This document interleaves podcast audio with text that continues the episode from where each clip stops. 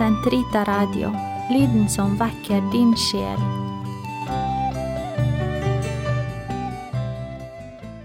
Hei, og velkommen til Katolske hode, episode åtte, Thomas Aquinas og filosofihistorien. Mitt navn er Øyvind Evenstad, og dette er programmet der vi ser på ulike tema fra et katolsk perspektiv som bygger på tru og fornuft. I 1879 kom pave Leo den 13., den store encyklikapaven, med encyklikabrevet Aeterni Patris om gjenopprettelsen av kristen filosofi. Paven skrev at filosofiet kan åpne veien til troen ved å forberede menneskesjelen til å ta imot Guds åpenbaring. Derfor har filosofien også blitt kalt praembula fidei, troens innledning. Paven gjentar det jeg sa i første episode av Katolske hode om tro og fornuft, nemlig at til og med de hedenske filosofene i førkristen tid kom frem til viktige sannheter om verden og mennesket ved hjelp av fornuften alene. Det viktigste fornuften kan vise oss, er at Gud eksisterer. Slik som israelittene tok med seg egyptisk gull da de utvandra fra Egypt, kan også vi ta med oss det beste av hedensk lærdom, når den stemmer overens med det som har blitt åpenbart til oss. Paven inviterer oss til å se på filosofiens historie, og se at det har blitt sagt mye sant opp igjennom, i tillegg til det som er usant. Han viser til Justin Martyr, Augustin av Hippo og andre som utvikla filosofien videre i lys av den kristne åpenbaringa. Når han kommer til den såkalte skolastikken i middelalderen, skriver paven at blant de skolastiske læremestrene er Thomas Aquinas den som står fremst og høyest. Fordi han æret kirkens gamle lærere, ser han ut til å ha arvet intellektet til dem alle. Læresetningene til disse mennene var som de spredte lemmene på en kropp, som Thomas samlet sammen og forsterket på en slik måte at han med rette blir ansett som den katolske troens bolverk eller vern. Paveleo viser at kirken har vist spesiell ære til Thomas Aquinas, han som kalles den englelike lærer, eller doktor Angelicus. For eksempel, under konsilet i Trient på 1500-tallet ble Summa Theologiae, Thomas sitt hovedverk, lagt på alteret sammen med Bibelen og pavelige dekreter, som råd og inspirasjon til konsilfedrene.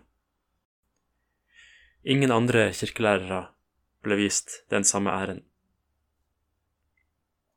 Til slutt ber paven alle biskopene i verden om å gjenopprette studiet av tomismen, Thomas Aquinas sin filosofi, til sin hedersplass, ikke minst for at den katolske tro skal kunne forsvares mot moderne læresetninger som truer den. Dette oppropet førte til den såkalte nytomismen, en bevegelse innenfor katolsk filosofi som tok opp igjen Thomas sin lære og anvendte den på nye omstendigheter. Tidlig på 1900-tallet var det kanskje de franske filosofene Etienne Gilson og Jacques Meretin som var mest kjent som nytomister. Etter hvert ble det også flere nytomister i den engelskspråklige verden. Jeg kan for eksempel nevne de to nålevende filosofene John Haldane og Edward Facer. Begge to har hatt stor innflytelse på min egen tenkning, og kan anbefales til de som ønsker å lære mer. Den hellige Thomas Aquinas sa at målet med å lære filosofi ikke er å vite hva folk har tenkt, men å finne ut hva som faktisk er tilfellet. I dag vil man kalle det første for en historisk tilnærming til filosofi og det andre for en systematisk tilnærming. Thomas hadde rett i at det er ikke målet å vite hva folk har tenkt, men det kan og bør kanskje være en begynnelse. Ved å studere tenkningens historie kan vi nemlig oppdage at mye av det som tilsynelatende blir tatt for gitt i dag, oppsto på et bestemt tidspunkt i historia som ideer til en eller annen avdød filosof. Det kan til og med tenkes at den filosofen tok feil, og at vi derfor bør lytte til de som kom før han. Dermed åpner vi vår egen tenkning opp for flere ideer, og vi bryter ut av den trange ramma som nåtida ser ut til å pålegge oss. Derfor vil jeg ta deg med, kjære lytter, på en rask gjennomgang av Vestens filosofihistorie, fra førsokratikerne til Thomas Aquinas, før jeg ser på de negative konsekvensene av bruddet med tomistisk filosofi, som de såkalte grunnleggerne av moderne filosofi gjorde. Den greske filosofen Aristoteles sa en gang at filosofi begynner med undring undring som et barn over det vi ser rundt oss i verden. De såkalte førsokratikerne, som var filosofer som levde før Sokrates, stilte spørsmål om hva som er det grunnleggende prinsippet som ligger under hele virkeligheten, og forener de mange ulike fenomenene vi erfarer rundt oss. Den første vestlige filosofen vi kjenner til, het Thales. Han levde på 500-tallet før Kristus, og er kjent for å mene at det grunnleggende prinsippet bak alt i verden er vann. Alt er vann, skal han ha sagt. Det virker kanskje rart for oss å høre det i dag, men vi må tenke på at også vi anerkjenner at vann kan eksistere i ulike former, som flytende vann, som is og som damp, og likevel hele tida forbli vann. Thales kan ha forestilt seg at på samme måte som vann blir til damp, kan også damp bli til luft, og på samme måte som vann blir til is, kan også is bli enda hardere og bli til jord eller stein.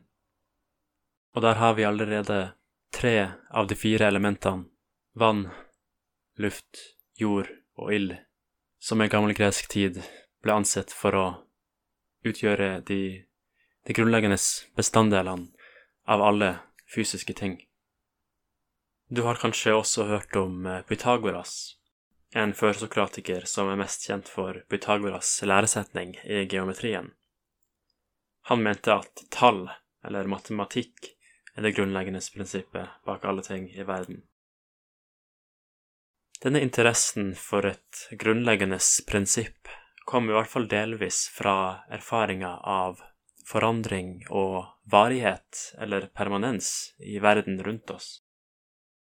Vi vet at et menneske forandrer seg veldig mye, både i kropp og sinn, i tida fra unnfangelse til død.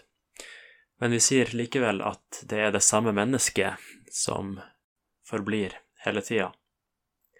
Det samme skjer med planter som blir sådd, vokser opp og visner.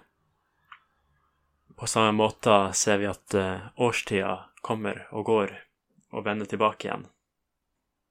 Hvordan skal vi forklare dette forholdet mellom forandring og permanens?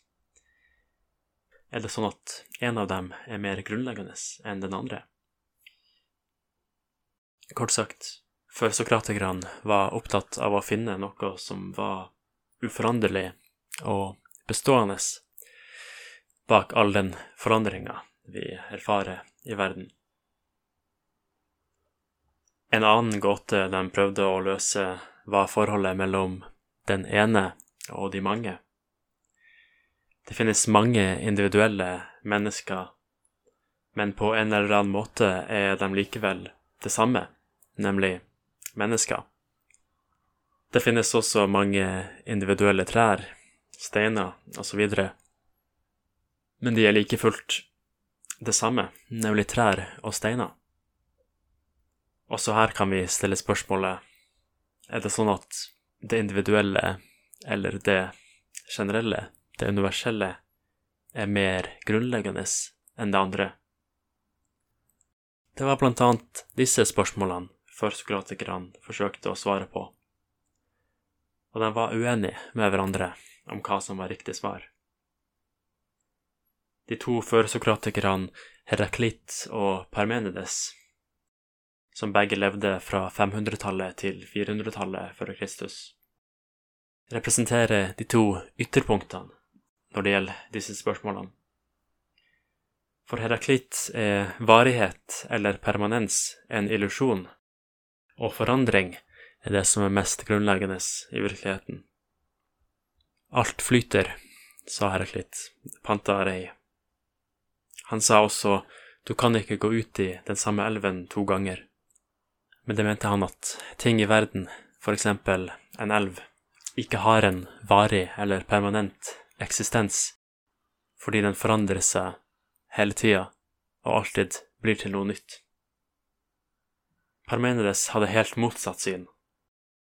For han er det forandring som er en illusjon, og varighet eller permanens som er det mest grunnleggende. Han argumenterte på følgende vis. Alt som eksisterer, er væren.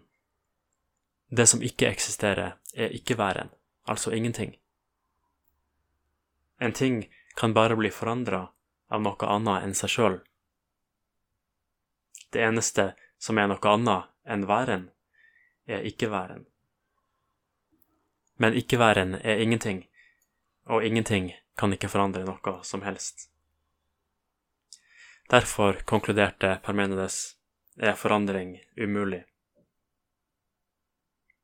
Dessuten, hvis alt som eksisterer, er væren, for eksempel et eple er væren og en banan er væren, så er de i virkeligheten én og samme ting, nemlig væren. Det mangfoldet av ting vi erfarer i verden, er altså en illusjon. Det er egentlig ingen forskjell mellom epler og bananer, eller mellom noen andre ting. For Parmenides finnes det bare én eneste ting, væren, som er enhetlig og uforanderlig. Det at sansene våre forteller oss at det finnes mange forskjellige ting, viser bare at vi ikke kan stole på dem. Etter førsokratikerne kom, ja, du gjetter riktig, sokratikerne. Sokrates, som var læremester til Platon. Platon, som var læremester til Aristoteles. Og Aristoteles, som var den største innflytelsen på Thomas Aquinas sin tenkning. Alle disse tre var også opptatt av hva det er som ligger til grunn for det vi erfarer rundt oss.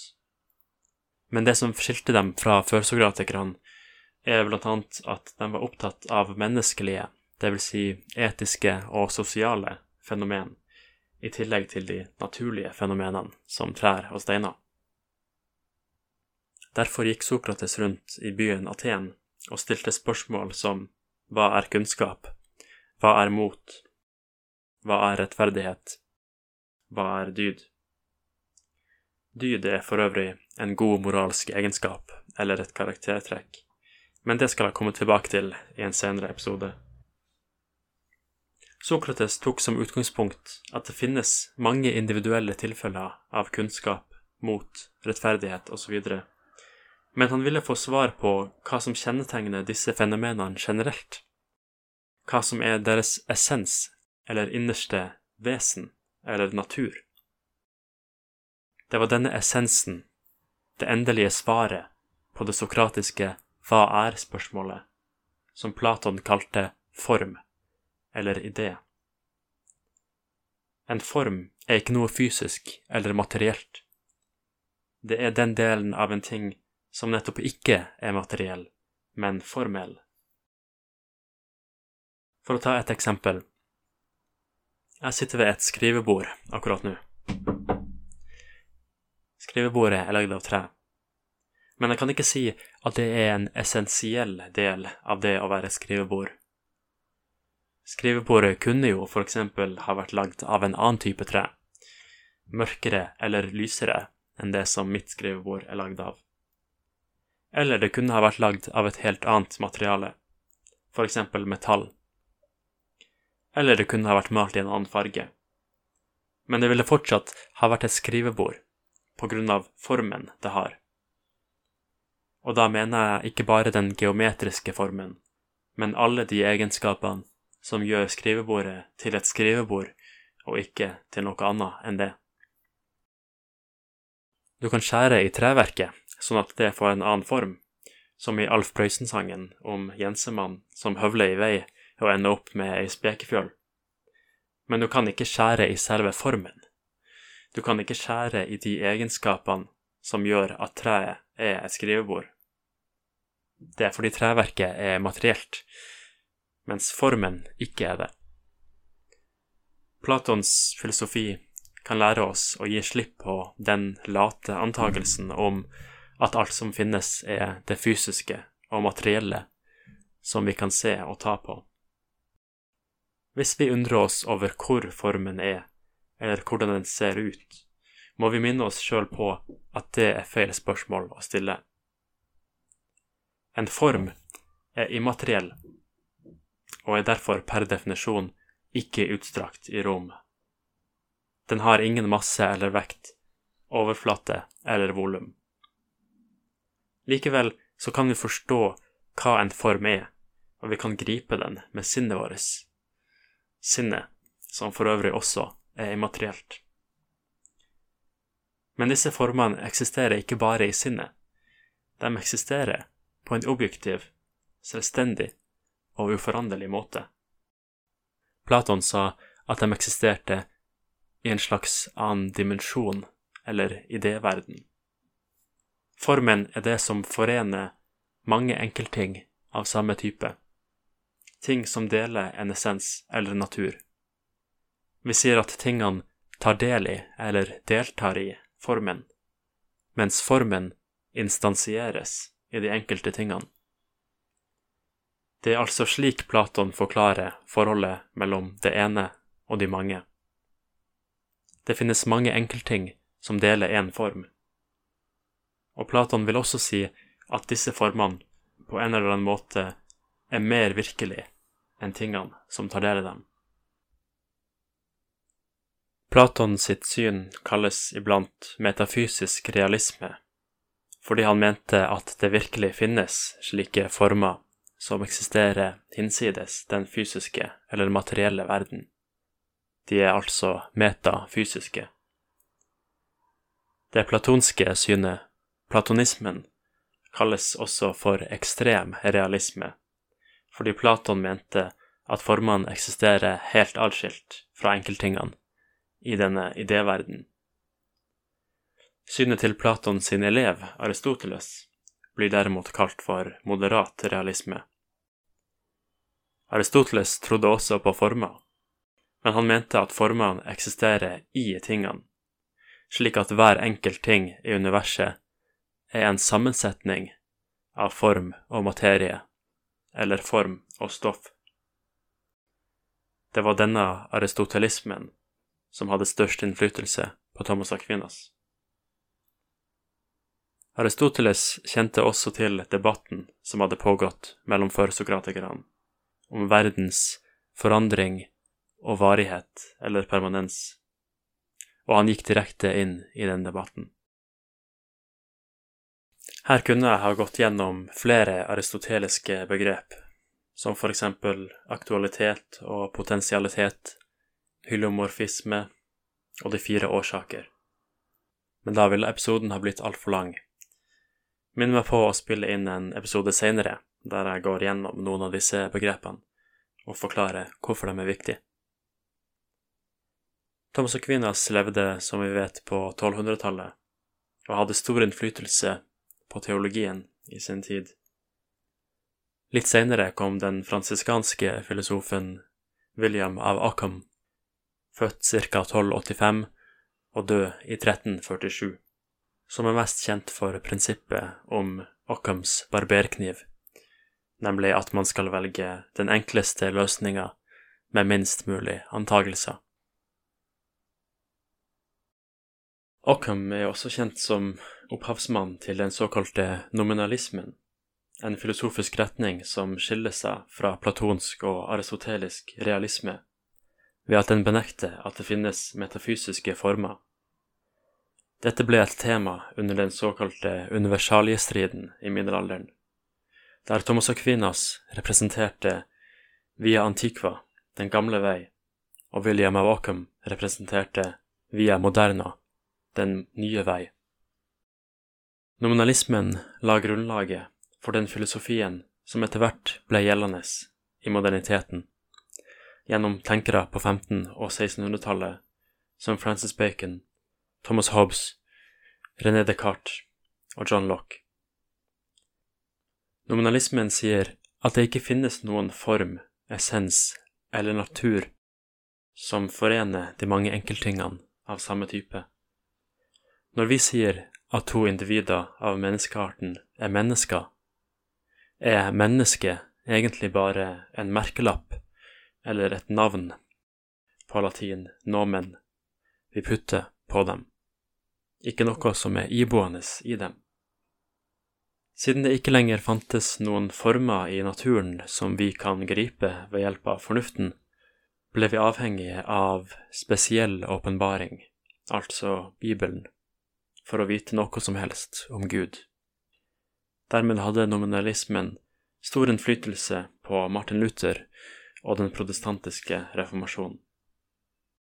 Formløsheten innebar også at ting i naturen er rent materielle. De har ikke noe formelt aspekt, og at det er vi mennesker som gir dem form. Dermed fikk vi et større fokus på naturvitenskap som gir oss kunnskap om enkeltting og teknologiske hjelpemidler for å legge naturen under oss, på godt og vondt, som vi vet.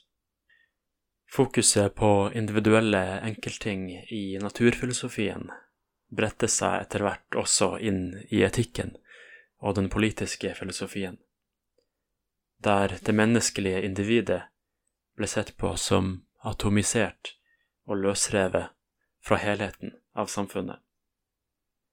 Alt dette, og mye mer, jeg skulle ønske at jeg kunne gått inn i større detalj, viser oss at ideer har konsekvenser, og at det som ved første øyekast kan se ut som veldig abstrakte diskusjoner om tingenes natur, faktisk er høyst relevante for måten vi lever på. Derfor bør vi studere filosofihistorien. Som sagt har tomismen kommet tilbake i form av nytomisme, og har i de siste århundrene utfordra mange av premissene som den moderne filosofien legger til grunn for sin tenkning. Hvis det er interesse for det, vil jeg gjerne komme tilbake til ulike aspekter av nytomismen og den moderne filosofien ved en senere anledning. Mitt navn er Øyvind Evenstad, og du har hørt på Katolsk i hodet. Til neste gang ønsker jeg deg ei velsigna god uke, og på gjenhør.